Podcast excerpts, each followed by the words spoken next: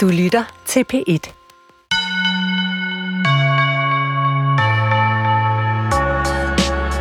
Jeg har været på besøg hjemme hos Lars von Trier. Og så har jeg meldt mig ind i Dansk Kvindesamfund. Her for et par måneder siden, jeg tænkte, der kan jo ikke være direkte lov mod at have mænd melder sig ind. De, men der, jeg prøvede at betale girokortet, og så kom der papirer tilbage, så jeg går ud fra, at jeg er medlem. Det var en ret vild oplevelse, for just når man tror, at øh, samtalen kører i en retning, så kører den i en helt anden. Vi skulle egentlig tale om bøger. Lars von Trier læser utrolig meget, men øh, så kommer det pludselig til at handle om dansk kvindesamfund, om lort, og om ikke at ville sige bip, bip til en øh, særlig optagelsesprøve. Jeg var ganske udmattet efter den her samtale, men det er også længe siden, at jeg har grinet så meget. Det er som om, at øh, pressens historier om Lars von Trier primært har handlet om hans sygdom, hans Parkinson. Men jeg oplevede en mand, hvor humoren og evnen til at drille står som noget af det tydeligste. Lars von Trier er lige så besværlig og fascinerende, som han var, da jeg dyrkede hans tidlige film i 80'erne og 90'erne. Hans stemme er øh, blevet tyndere, ligesom hans krop, men der står stadigvæk fuck hen over hans øh, knor, og det er der nok en grund til.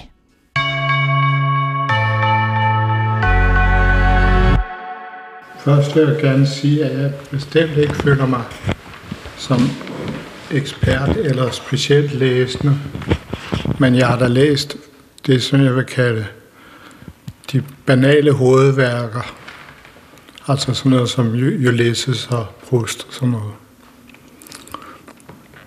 Og, og så i går, der åbnede vi lige, for, fordi jeg har ikke læst i flere år, fordi jamen det, det er der mange årsager til, også jeg har fået Parkinson og sådan noget, så jeg overgår det ligesom ikke.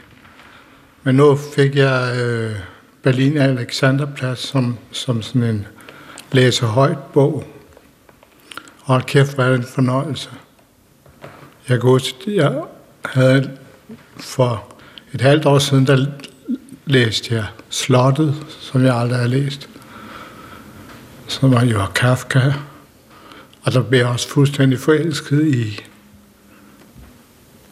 i, i mediet bøger, som, som, så, som jeg så hører i stedet for at læse, men, men, men selve mediet er fantastisk. Hvorfor er det nemmere for dig at øh, lytte end at se, når du skal læse nu? Altså, øh, det er jeg ikke helt sikker på, at jeg forstår i forhold til sygdommen. Nej, men jeg, jeg regner med, eller har sjusset mig frem til, at sygdommen har taget det kvarte af min kognitive potentiale, mit kognitive potentiale. Altså specielt med at multitaske. Og det er måske der, at, at, at problemet kommer med, med, med bøgerne. At så bliver jeg hængende i ordene, i stedet for at, at opfatte, som jeg gjorde før, før, før jeg fik Parkinson. Så det er muligvis derfor. Men, men, men man, man, altså, man mindre det er en eller anden fuldstændig umulig amatørskuespiller, der læser op. For så kan, så kan man blive sindssygt rasende. Men ellers så gør det ham her, der læser Alexanderplads op. Han gør det ude med mærket. Men var det dog dejligt, en verden af ord. Det er, det er så... Det er bare sådan noget, man nyder. Og så hele romanformen nyder jeg også virkelig meget. Og jeg tror, det første, jeg læste, som, som berørte mig, eller som var af en lidt sværere karakter end kriminalromaner, det var øh, Alexandria-kvartetten hvor specielt første bind gjorde et kæmpe indtryk på mig. Så jeg har, jeg har da læst noget. Men det er jo lidt af en underdrivelse, fordi øh, når jeg kigger på dine film, så er der jo et væld af litterære... Citater. Ja, det er der. Det er jo næsten, nogle gange kan jeg tænke, at det er jo næsten er en citatmosaik, øh, lige så meget som det er en film. Jeg, jeg må indrømme, at jeg er ikke helt klar over, hvor, hvor cit- citaterne præcist er. Men, men det, nogle af dem er jeg selvfølgelig klar over. Men øh, ej, det, det, det, det som, som var sådan en slags åbenbaring for mig på et tidspunkt her i mine senere år, det var, at når man nu læser Proust for eksempel, eller specielt Proust, så bliver man jo imponeret over, hvor meget han ved. Altså pludselig så er der 40 sider om franske bynavne. Og så tænker man, jamen det er jo ikke fordi, at, han, at det var specielt vigtigt, men det var fordi, det den viden, han havde. Så derfor så kan jeg godt lide det med, en- med, med, med, med bøger, og specielt med romaner, at, at vi har en mand, der styrer skibet. Og hvis det falder ham ind og lave 40 sider om franske bynavne, så er det sådan, det er. Og, det- og det, det, det er dejligt at have en... Det er ligesom at gå med en,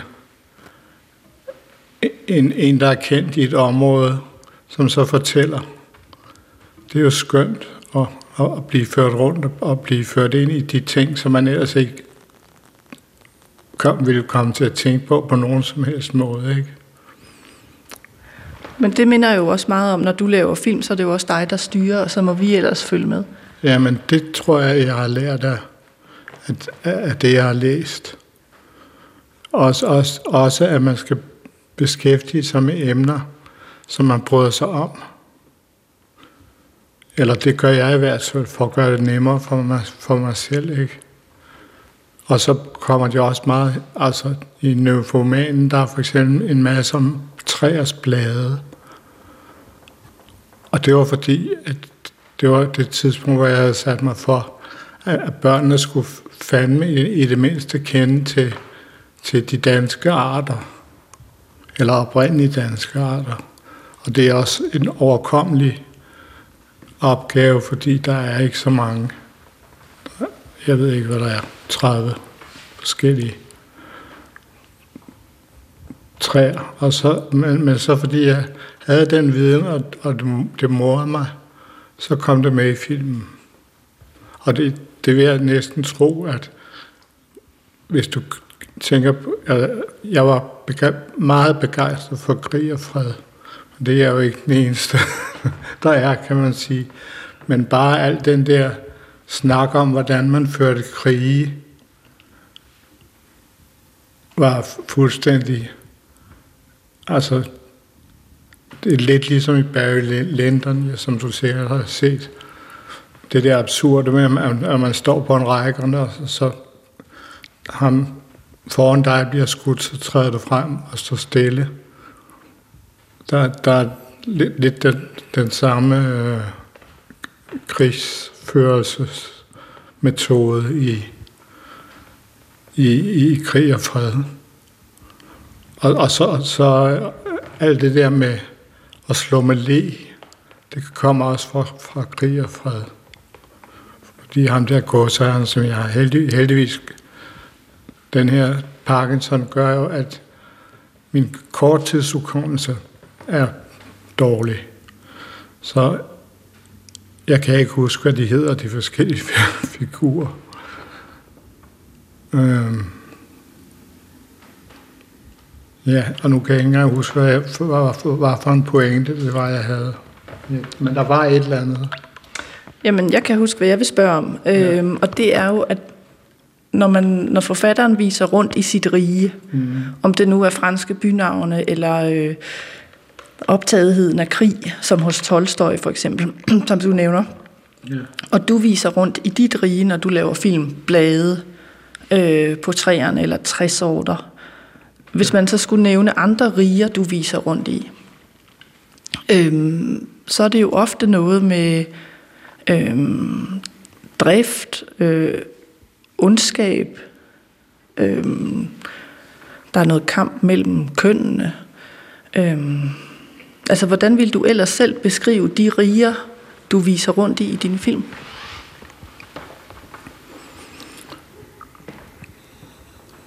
Ja, men du, du, du har sikkert ret. Ja. Jeg har et, rimelig, et, et rimelig kompliceret forhold til kvinder, det må jeg sige. Men på et tidspunkt, så, så øh, plankede jeg jo Drejers idé om kun at lave film med kvindelige hoved, hovedroller. Og det, det, det passer mig i virkeligheden allerbedst at skrive de dialoger, eller hvad der måtte være. Og så har jeg meldt mig ind i Dansk Kvindesamfund.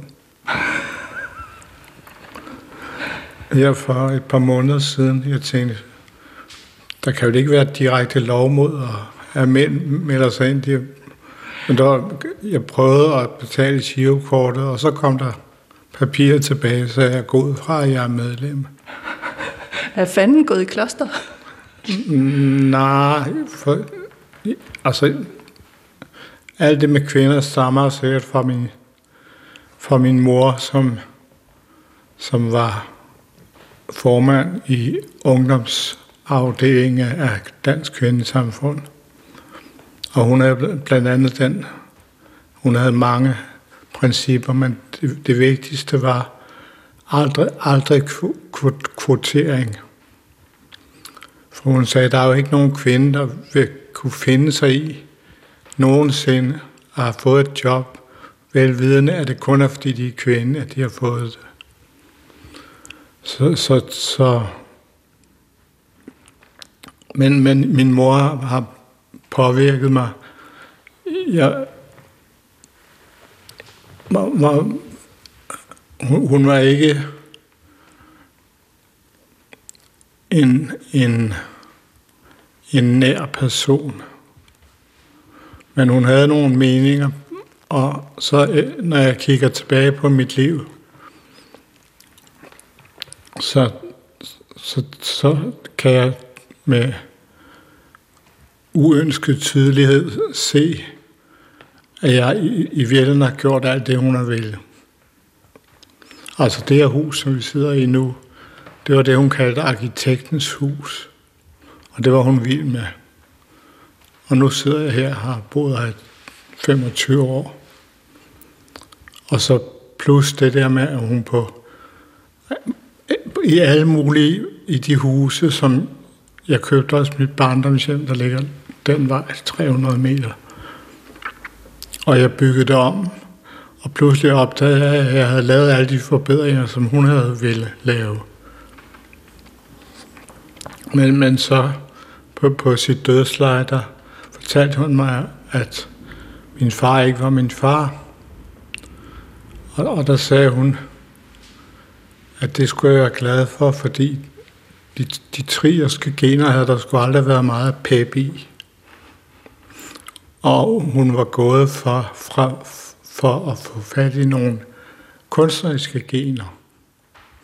Så på en eller anden måde, så føler man sig framed hele vejen, og, og hvis det kun åbenbart er et spørgsmål om at opfylde, hvad min mor ønskede, det, det har jeg aldrig haft noget ønske om, men sådan er det bare blevet. Men at det er en skidt ting, tænker jeg, fordi du sidder jo nu og har lavet et væld af film, vundet et væld af priser. Øhm, altså var det et skidt plot, hun udtænkte, hvor i du så er den framed hovedkarakter? Mm, nej, men jeg ønsker bare ikke, at hun skal have styre mit liv. Og det har hun altså så gjort, i hvert fald på den store skala. Øhm. Jeg er lidt sur på hende. Jeg også må indrømme, at jeg blev lidt sur på hende der. Med det der med, at min far ikke var min far, fordi at han var død. Den trierfaren, som ikke er min genetiske far. Han var, havde været død i 10 år, da hun sagde det. Og der er et tidspunkt, hvor man har lyst til at have haft en samtale med sin far. eller den mand, man troede var det, så var det der, ikke? Og så spurgte jeg hende, jamen vidste han det? At han ikke var genetisk far til mig. Så sagde hun, det vidste hun ikke. Han sagde jo ikke så meget. Hun var godt nok fræk på dødslejet. Men jeg kan ikke lade være at tænke på, om det, når, hvis man taler lidt mere metaagtigt, om det er derfor, at når du laver film, at du ofte øh, kører ind i en forventning, en genre, og så drejer genren fuldstændig, ja. eller laver noget overraskende, altså at du... Øh, de for forbrydelsens element som kriminalfilm, men den, den genre drejer du også, eller musical mm. med Danton, den drejer du også. Ja. Så du laver det der lidt ondskabsfulde twist. Jeg, jeg ved ikke, om det er ondskabsfuldt. Det, jeg, jeg vil sige, det var et, at det er en, te, eller en, en, en, ja, en teknik, ikke? At tage en genre, som i virkeligheden ikke er den rigtige genre til det, som jeg vil fortælle. Mm. Så det, det, det vil du kunne se i de fleste film. Men jeg tænkte på, øh, jeg skrev ned, øh, da du var ung, da du søgte optagelse på, faktisk på Kunstakademiet, ja. på Teaterskolen, ja. på Journalisthøjskolen, ja. på Filmskolen. Ja, tre gange, tror jeg. Og så kom du ind. Man kan sige, at forfatterskolen var jo ikke øh, opfundet, da du søgte ind. Den, den blev grundlagt i 80'erne. Men forfatterskolen var det ikke, var det ikke hvad, hvad, hvad var det, han hed?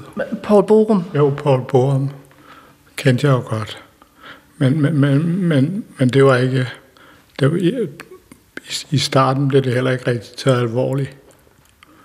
Men kunne du have fundet på, altså jeg kan ikke finde ud af, det lidt tilfældighed, at så var det filmskolen, du så blev optaget på i tredje forsøg. Kunne du lige så godt have søgt ind på forfatterskolen, hvis den havde, altså kunne du lige så godt være blevet forfatter, hvis, øh, hvis, hvis den havde været der dengang? Nej, jeg var meget, meget målrettet på filmeriet også, fordi jeg havde en onkel, som lavede dokumentarfilm, og som havde klippebord stående hjemme hos sig selv. Og jeg var syg af nysgerrighed. Men jeg ved, at du skrev et par romaner faktisk. Ja. Du sendte ind til Gyldendal, kan du huske det? Jeg kan ikke huske, at jeg sendte dem ind til Gyldendal. Jeg sendte dem i hvert fald ind til Var der ikke noget, der hed Ventens forlag? Jo, der, jo, det var der, og det, jeg fandt, øhm, der var en, der hed Bag fornedrelsens porte, yeah. og så den er fra 75, og så er der en, der hedder, hedder den Elisa, Elisa, 1976. Okay, ja, det jeg husker det ikke så tydeligt, men, men, men de bøger blev til en film, som jeg lavede, da jeg startede på universitetet, så, så mødte jeg nogle folk, som havde en, noget, der hed Filmgruppe 16, hvor de havde et 16 mm kamera. Og, og, og der lavede jeg sådan nogle film. Men, øhm... Nej, jeg har he- hele tiden været sikker på, at det skulle være film. Og på det tidspunkt var det jo betydeligt sværere for, for at lave den, sådan en en times film med ganske lidt primitivt, men lyd, lyd på og ligesom lavet færdig.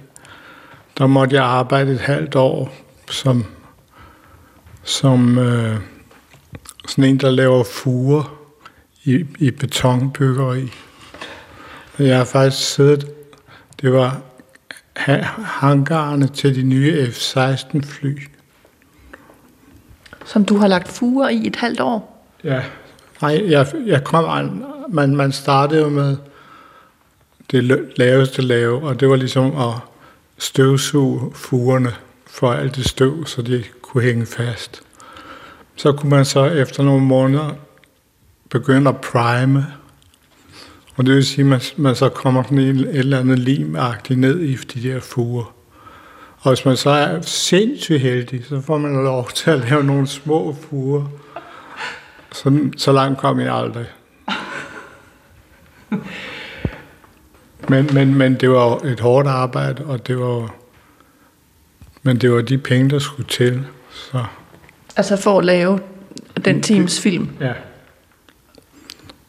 Som hed, hvad fanden den ene hed? Noget med mønte, og den anden hed... Det kan jeg sgu ikke engang huske, hvad de hedder. Oh, Nej, men den der, den der med mynte, øh, det, det, er, det, er, det er jo den, der er lavet på baggrund af den ene roman. Øh, det kan jeg i hvert fald læse mig frem til. Okay. For den, den ene var, var planket 100, 100% fra Aarhus historie. Øhm.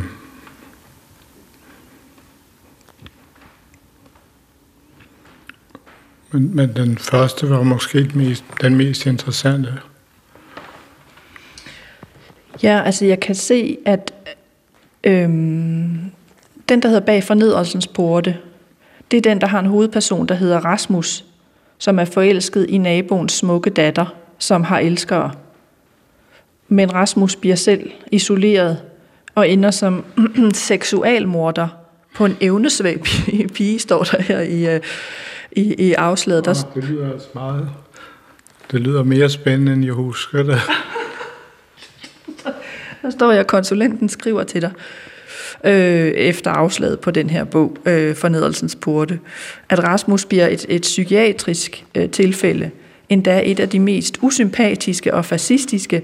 Han bliver en afstumpet sadist, der ender som seksualmorder øh, på en evnesvag pige. Og så skriver konsulenten, at du er sådan set udmærket til at fortælle en historie. Men Hvis jeg bare kunne holde mig fra, fra ligesom de... Øh de der sensationelle ting. Det, det skriver han nemlig. Han skriver, at han, altså Lars von Trier, har en tendens til at ville have for mange mystificerende og filosofiske ting og sager med. Ja, det, det, det kan jeg ikke sige, men det kan da godt være. Men det har du jo ikke sluppet, det med de mange ting og de mystificerende Nej. sager. Nej, og det, på en eller anden måde har det været lidt lettere at komme igennem med, med film. Jeg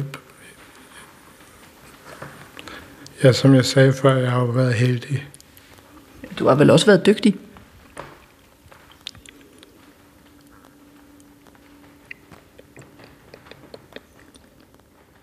Det kommer an på, hvad du gerne dygtig i, i hvilken retning, altså fordi at, jeg til... at jeg har, har, har jo aldrig, jo måske et riget er det tætteste, man kommer på noget, som jeg har lavet som med en større folkelig appel. Ellers har jeg jo lavet film, som... Men, men, men, men grunden til, at jeg også var heldig med at lave de der skæve film, det var, at jeg havde et fast, mindre publikum, men spredt over, ret meget over verden. Så, så, så derfor kunne jeg lave en film, som kun 300 mennesker så i Danmark og alligevel få det. Jeg, jeg regnede, min, min succesrate var, at den skulle indtjene så mange penge, at den, at den selvfølgelig havde betalt sig selv, filmen. Og så skulle den derudover indtjene så meget, som det kostede at sætte en ny film i gang. Men ikke mere end det. Det var vigtigt. Fordi hvis det var mere end det, så ville jeg begynde at gøre det, som, som mange instruktører er sunket i, nemlig at købe en strandvejsvilla, og så derefter forsøge at genoptage en eller anden succes, de måtte have haft i en kamp med en producer, som vil have dem til at lave alt muligt. Altså, jeg, jeg synes, det, det er meget tydeligt for mange af de instruktører, jeg jeg, jeg godt kunne lide de, de tidlige film af, at på et eller andet tidspunkt, så sætter de sig bare for, dybt for dyrt, og så bliver det et spørgsmål om at få mange folk i biografen. Hvad jeg, hvad jeg jo, det, det er et spørgsmål, som jeg ikke har taget stilling til. Eller, eller øh, øh, øh, hvis jeg kunne ændre et klip og få flere folk i biografen, ville jeg ikke gøre det. Jeg blev, også, jeg blev spurgt en gang, hvordan får man folk i biografen? Så sagde han, hvorfor, hvorfor skulle man have, have dem i biografen? Det skulle da bare være for at få dem væk fra, fra gadehjørnerne. Men det har vel også været en appel, det der med, at du, øh, apropos det med din mor, der hiver tæppet væk i sidste øjeblik, eller drejer plottet fuldstændig, at, at det er du også i stand til i din film, at det er jo så en mekanik eller en, et greb, du har brugt kontinuerligt, det der med at, at, at tage en genre og ryste den voldsomt. Ja, det, det, det siger du. Det, det, det, jeg, jeg vil, altså, min grundholdning er, at der er ingen grund til at reproducere. Og det er jo det, der bliver gjort i hele filmbranchen. Der bliver jo, hvis et eller andet er smart og op i tiden, så bliver alting lavet sådan. Jeg skrev nogle af dine øh, referencer ned, fordi der er jo, der er jo simpelthen øh, så mange. Øhm, en af dine barndomsbøger, som hedder Guldhjertet, Nå, ja. er faktisk litterært forlæg for øh, det her manuskript. Fandt jeg det her. Du, du, du, du, du. Uh, Breaking the Waves. Okay. Ja. Det har du i hvert fald sagt. At, du, at den her bog, du læste som barn, som handler om den her lille pige, der giver alt væk, ja. på en eller anden måde er blevet forlag for det, der hedder Guldhjerte-trilogien. Altså uh, Breaking the Waves, Idioterne og Dancer in the Dark ja. med de her tre øh, kvinder, Bess i Breaking the Waves, og så er der Selma i Dancer in the Dark, og så er der øh, er det Karen fra Idioterne. Ikke? Jo. Så der er jo et stykke litteratur, der på en eller anden måde er vokset ja, ind i filmene. Det er så børne, børnelitteraturen, ikke? Men det var faktisk uh, Breaking the Waves var udformet som også et eksperiment med, hvor langt kunne man gå sådan sentimentalt. Og derfor så, den, den slutter med sådan nogle klokker, der ringer op i himlen. Og en masse mennesker har kommet og sagt til mig, at det, det var ligesom for meget.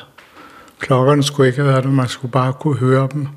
Så jeg, nej, det var vigt, en vigtig del af eksperimentet, det var at se, om der var nogen, der købte klokkerne og købte hele historien om, hun, hun boller sig ind i paradis. Så, så, så, men, men samtidig så brugte jeg jo de, de, de gængse øh, værktøjer. Det er et ord, jeg hader, værktøj. Jeg ved ikke, hvorfor det skal hedde værktøj. I stedet for stykker værktøj, men det, det, det, det hedder også efterretningstjeneste nu. Jeg ved ikke, hvad det gamle efterretningstjeneste er, et meget naturligt ord. Det lyder, det lyder som, der har været sådan noget, nogle spændoktorer indover, og så vi, vi skal sexe det lidt mere op. Men der var jo mange, der købte øh, Breaking the Wave, selvom det var øh, skrevet helt ud og lavet som en joke på en måde, som du siger mm. til dem. At bedst kan bolle sig ind i himlen, altså frelse sin mand fra den øh, ulykke, der har ramt ham ved at have sex med alle mulige øh, uhyggelige mænd. Ja. Men der er jo en fascination hele tiden, tænker jeg på, med øh, øh, i din film også med, øh, på en måde med øh, det tossede, sådan at der er på grænsen til det troskyldige, det uskyldsrene. Mm. Altså både Bess i uh, Breaking the Waves og Selma jo i høj grad også, mm. øhm, er jo øh, altså sådan næsten rene i deres, øh, øh. i deres hjerte, og det er sådan på grænsen til idioti. Det, og det samme i Dogville også, ikke? Mm. Ja. Så der tænker jeg på sådan en forfatter som Dostojevski for eksempel, ja. Idioten. Mm.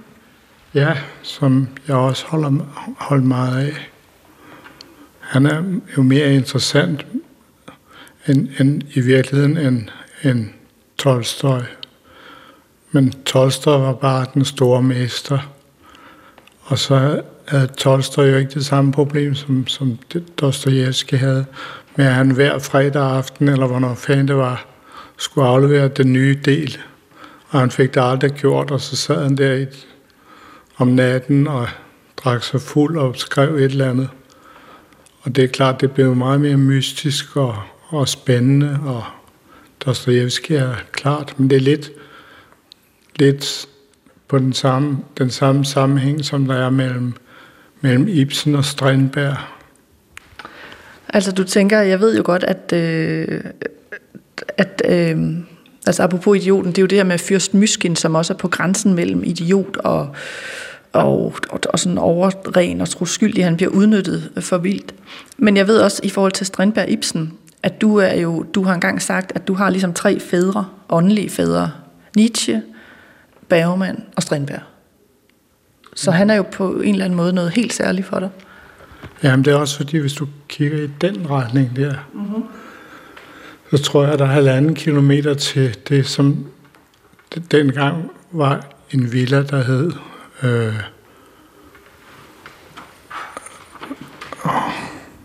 den hedder Gelskov. Nej, det er det, den hedder nu. Nå, den, hvad hed den før? Den, den hed øh, Skovly. Mm. Øh, hvor Strindberg flyttede ind, fordi han var flygtet fra Sverige, fordi han mente, at han var anklaget for voldtægt. Så det var sådan en slags flugt. Og det, som er interessant, er, at han havde Danmark så inderligt, øh, lidt ligesom Bertolt Brecht, som også var på flugt i Danmark. Han havde dem også, altså alle, men, men han skrev en bog, som ikke så mange har læst, Strandberg, der hedder Chandala. Har du læst den? Nej. Øh, som, han, som, hvor Chandala er navnet på den laveste indiske kaste. Og det var danskerne. Og Danmark, det var et fækalie helvede. Fordi der var så mange hunde på, på den der ejendom der. Men han var jo også meget bange for hunde. Højst sandsynligt. Han, I hvert fald så slutter han af med, han var jo fotograf og i øvrigt en fantastisk god maler, maler ja som, som, som mærkeligt er, som jo i virkeligheden gik længere end Munk, kan man sige, i, i sine uværsbilleder over havet. Ikke? Øhm. Ja, jeg, jeg har meget, jeg vil sige om, om, om, om Strandberg Inferno. Mm, det er den bog, jeg hæver frem her. Der kan man også se et af hans øh, malerier. Ikke? Ja, jeg ved, du skrev en artikel om det, der så hedder Gelskov nu, altså, og jeg ved, du skrev en artikel i 1976 til sådan en lokalavis om dit forhold til Strindberg, ja. hvor du nærmest poserer foran villaen. ja, jamen, det har altid været lidt svulstigt. Men, men, men, men, men det var fordi, at nu, nu er det så en del af Gelskoven, som er sådan et, et øh, hjem for, for øh, jeg tror det er muskelsvinds patienter. Og ham, som lagde stemme til øh, lillebror i de gamle afsnit af riget, han, han, han var formand for det, han kaldte Muskelsvindlerforeningen og var, var, var, var morsom, men han fortalte også om barndomslivet på Gelsgården. At de var så bange, så bange for at blive opereret. Fordi ustandsligt, så kom der et flag på halv. Altså man kunne ikke rigtig gøre noget. Og, og, og hele, hele hans, hans liv gik i angst med, hvornår det var ham, der blev kørt ind på et hospital og skåret op i. Men i forhold til Strindberg og i forhold til det, du taler om nu? Nå, jamen det, min, pointe, hvis jeg lige, for nu husker den, det var, at, at forholdet mellem Ibsen og Strindberg var jo, at Ibsen var så dygtig og blev normsættende. Og, og, og jeg synes, man illustrerer det meget godt ved at, ved at snakke om børnehjemmet, som er en, et, et skuespil, han skrev. Han, han havde jo, jeg, jeg ved ikke, om det var hans idé, men, eller om det var Tolstoy måske, men der, der var en, nogen af dem, der sagde, at hvis man indkøbte en patron i første akt, så skulle den affyres i tredje. Og jeg skal love for, da jeg så den der barnhemmet der, så i første akt, der vælter det ind med oplysninger om, at de ikke har nået eller glemt at betale for brandforsikringen til børnehjemmet. og så sidder man der, og så kan man tænker man, okay, der kan jeg godt snuppe halvanden times slur. Og så i starten af tredje akt, børnehjemmet brænder. Og, og det er jo fordi, han, han har været normsættende med det. Og det er jo det, som jeg ved ikke præcis, hvor det stammer fra, men, men for, for mig er det ret, kunne det sagtens stamme fra Ibsen, og det vil sige, at hans Ibsens stykker, eller flere af dem i hvert fald, synes jeg, er, man kan ikke se dem i dag. Hvorimod Strindbergs bliver mere og mere interessante, fordi han var decideret tosset, ikke? Jo, og man kan vel også sige, at Strindbergs dramaturgi er anderledes. Den er knap så forudsigelig. Det må man sige. Øh, men og, der, og der, ved slutningen af den der Chandler, der, der, der er en, den handler om en teater, altså en cigøjner, som, som var opsynsmand på det der hus, hvor han boede, hvor han i øvrigt boede sammen med Siri for Næsen, og det lige skal siges, at han skrev Frøken Julie og Faderen, hvilket er meget godt gået af et relativt kort afhold. Men, men, men bogen slutter så med, at jeg-personen i Chandala, han øh, bliver jagtet af ham der teateren, der vil slå ham ihjel.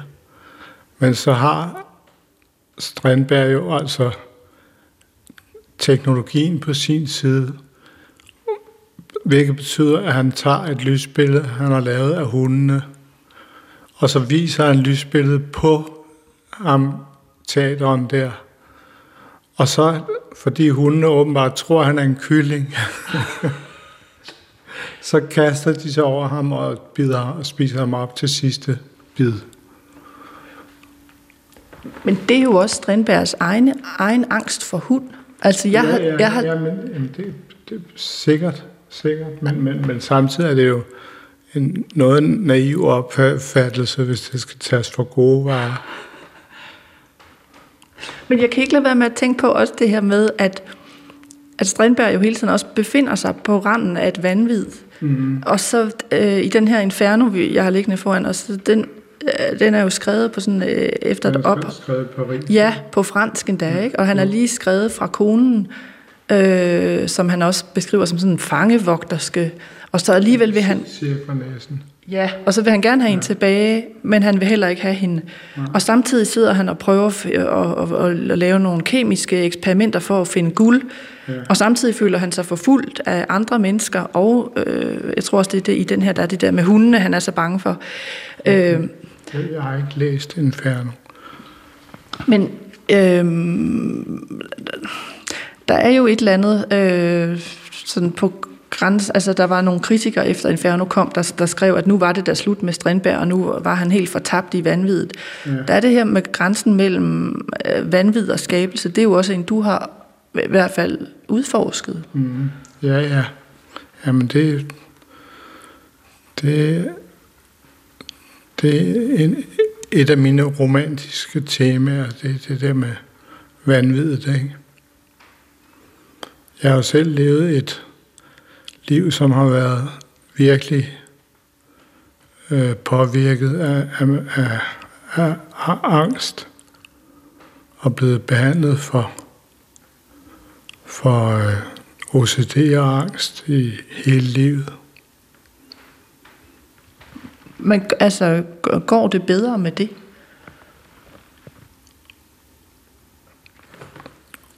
Øh, ja, eller jeg, jeg plejer at kunne, jeg har en, en, en meget, en god terapeut, øhm, så jeg synes, det går bedre med det. Men til gengæld så er mit liv blevet bes, voldsomt besværligt gjort af, af det her Parkinson Men, men, men jeg er den opfattelse af, at, at den e- energi, som man bruger til at eventuelt at være angst med. Den energi, man, hvis man var smart nok og hurtig nok, kunne bruge til kreativitet i stedet for. Altså at, det, at, at energien kom fra samme sted. Men nogle gange er den vel også flyt fra angsten i de tilfælde over i det kreative. Altså det behøver vel ikke udelukke hinanden, de to ting? Nej, men det er også bare for, for, for at forklare det på en enkelt måde, at, at når jeg føler angst eller depression, så, så har det altid hjulpet at begynde at arbejde. Mm. Sådan har jeg det også. Sådan har du det også, ja.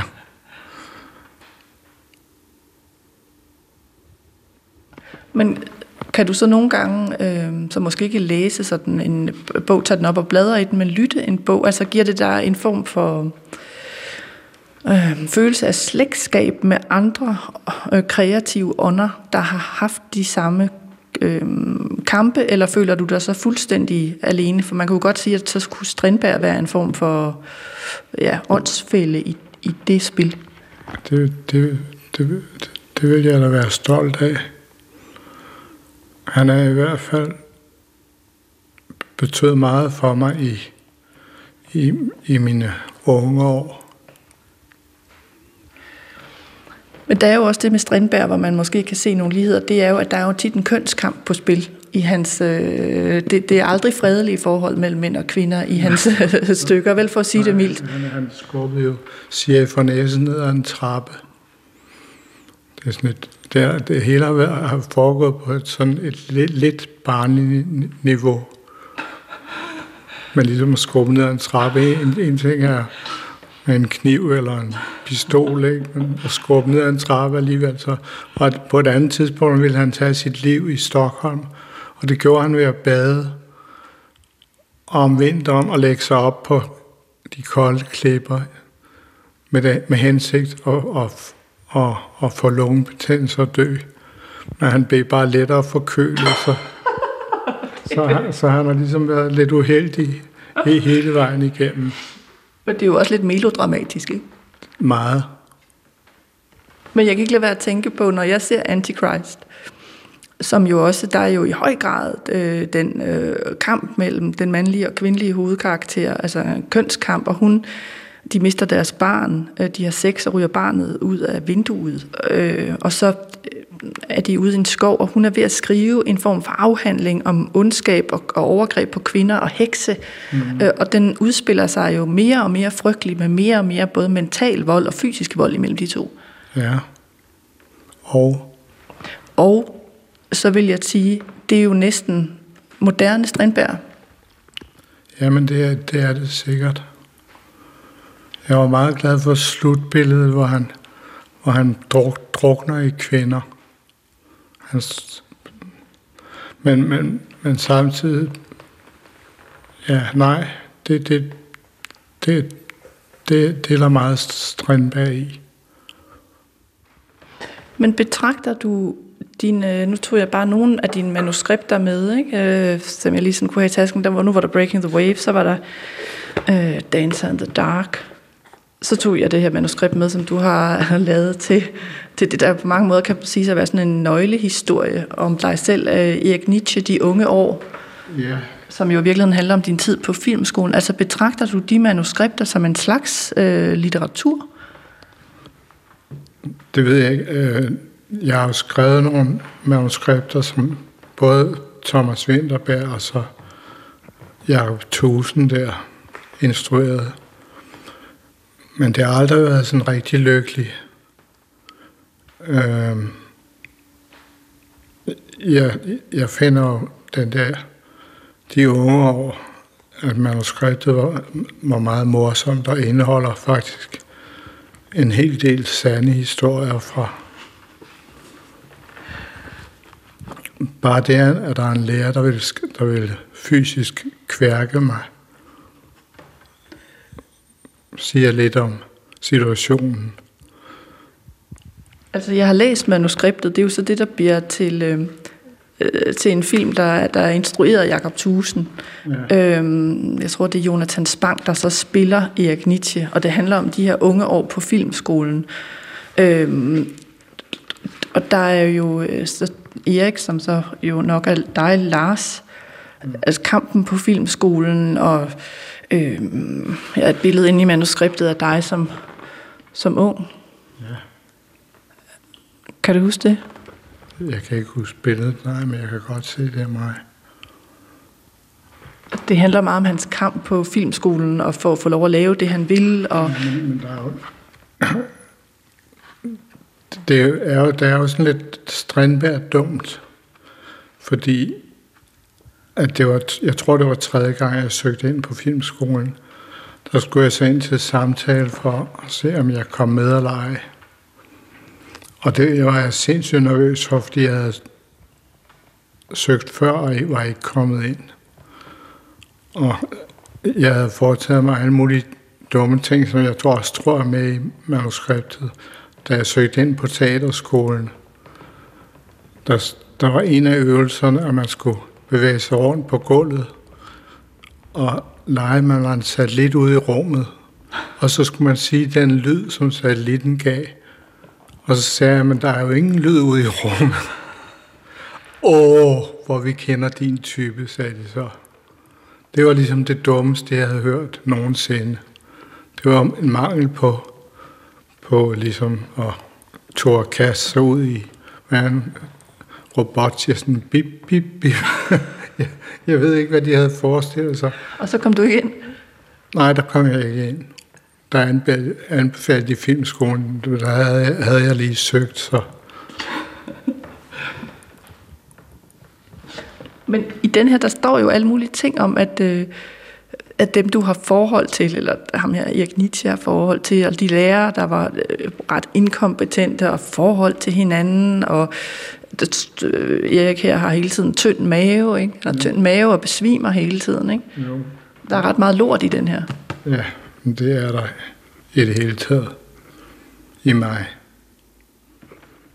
Konkret eller metaforisk? Konkret. Det er der vel i alle mennesker? Ja, det er der. Men det her er vel det tætteste, man kunne komme på, det, det man sådan på et, et gammelt begreb ville kalde en nøgleroman, det er sådan nøglemanuskript, ikke? Ja, øh, hvor der også... Øh, altså, I høj grad. Men hvordan er det for dig nu at så sidde, at vi taler om litteratur og dine litterære inspirationer og det, du selv har skrevet og det, du altså, læser sådan, og, og du ligesom se ned på hele det, eller hen på hele...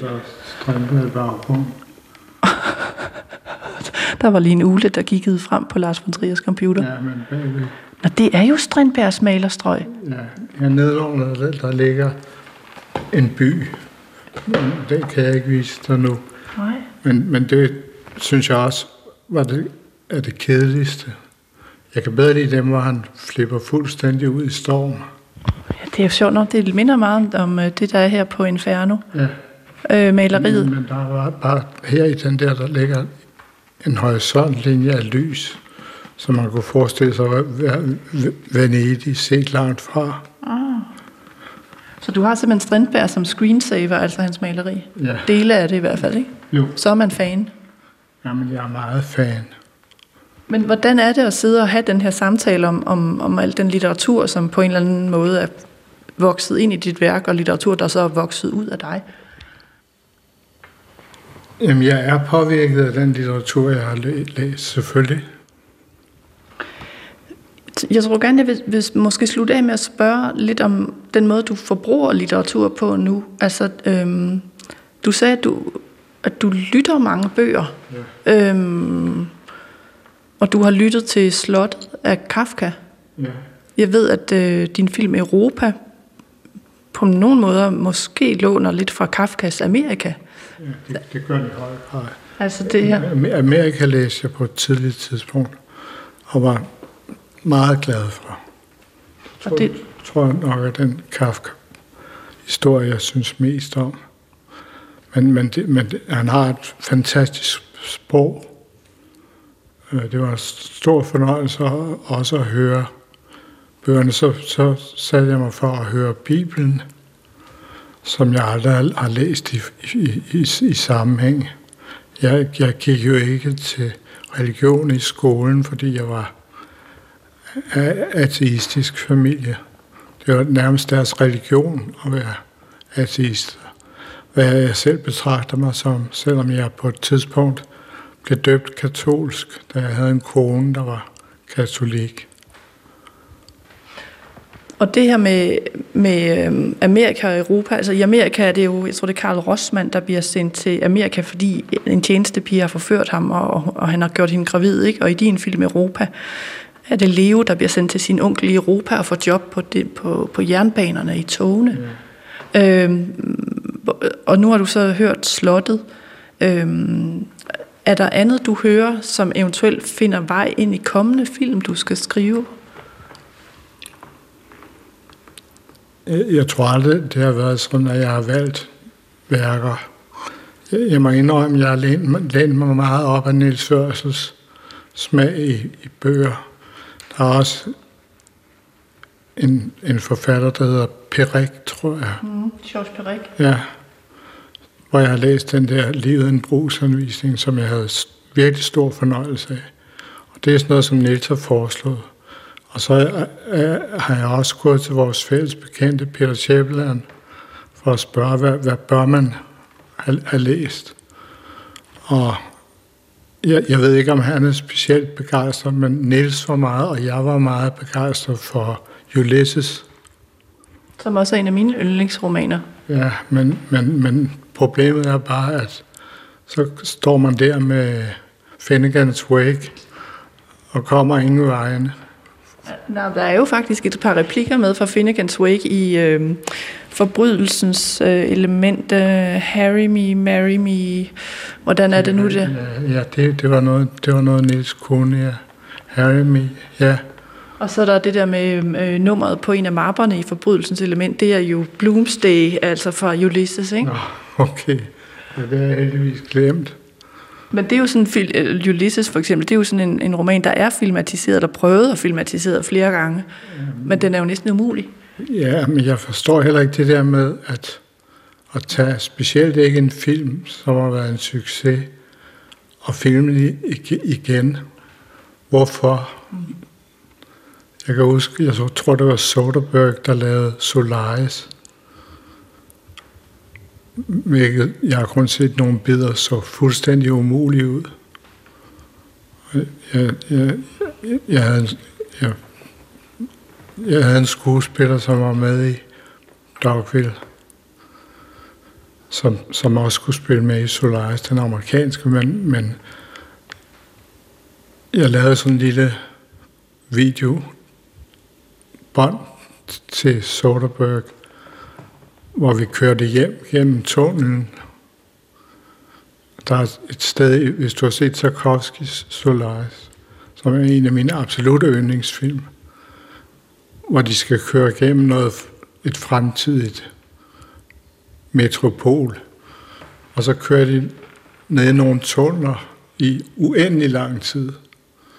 Og så lavede jeg sådan en lille lydkulisse og filmede tunnelen og og så skrev jeg til ham, at jeg ville virkelig gerne have været med på det møde, hvor han overbeviste nogle penge mennesker om, at der ville være penge i det her projekt. Svarede han på det? Nej. du er også lidt ond, tror jeg, nogle gange, ikke? eller hvad? Nå jo, men det er bare... For det første, hvor, hvorfor lave Solaris igen? Jeg kan ikke se, at Solaris kan gøres bedre. Øhm, men hvad er det med Ulysses for eksempel? Du synes, øh, altså, jeg, jeg kan jo godt sige, hvorfor jeg synes, det er en god roman, men hvad er det, der gør, at, at det er sådan en type litteratur, du tiltrækkes af? Jamen, jeg kan jo godt lide... Oh. Oh. Oh. Det er din... Øh, skal jeg bare stoppe den? Ja. Dut. Dut. Nå, jeg skal også, øh, kan jeg se på din telefon, gå nu, og du skal have nogle piller. Det er rigtigt, jeg skal have nogle piller. Skal jeg finde dem? Hvor er de? Nej, nej, nej, nej det kan du ikke. Det, jeg tager 19 forskellige piller mod alle mulige forskellige ting. Jeg har også diabetes 2, og jeg har blodtryk, og jeg ved ikke hvad. Okay, så jeg, øh, Jamen, så... så Men vi sluttede med... med vi sluttede faktisk med Ulysses. Ulysses, ja. Jamen, Ulysses var bare en... en, en altså, det, det er jo det samme som en film. Hvis du står på, så, så kan du blive helt i ekstase over at læse romaner, ikke? Men hvis du ikke står på, så, så, så virker det bare ikke. Og det er det samme med film, ikke? Det, det er et spørgsmål om at stå på, og, og, og jeg har nok eksperimenteret lidt med at få folk til at stå på noget, som de ellers ikke vil stå på. Det sagde Lars von Trier, da jeg besøgte ham i privaten for et par uger siden. Jeg var din vært og hedder Nana Mogensen, og øh, husk, at du altid kan skrive til mig her i Skønlitteratur på P1 på adressen litteratur Jeg læste op fra bogen Geniet, Lars von Triers liv, film og fobier af Nils Thorsen. Den er udkommet på Politikens forlag. Og så har jeg brugt bogen Lars von Triers film Tvang og Befrielse, skrevet af vor fælles bekendte, som øh, Lars von Trier omtaler forfatteren. Han hedder Peter Scheppeland, og bogen er udkommet på forlaget Rosinante. Desuden kigger vi sammen på omslaget til August Strindbergs roman Inferno. Min udgave er fra forlaget Batser og Company. Og så har jeg genlæst Lars von Triers egne manuskripter i bogform. Det gælder Breaking the Waves fra Per Kofod Film, Dancer in the Dark, udgivet af Gyldendal, Erik Nietzsche, De Unge År, udgivet af Eko, Dansklærerforeningen og Gran, og manuskriptet til Idioterne, der er udkommet hos Gyldendal. Vi høres ved i næste uge.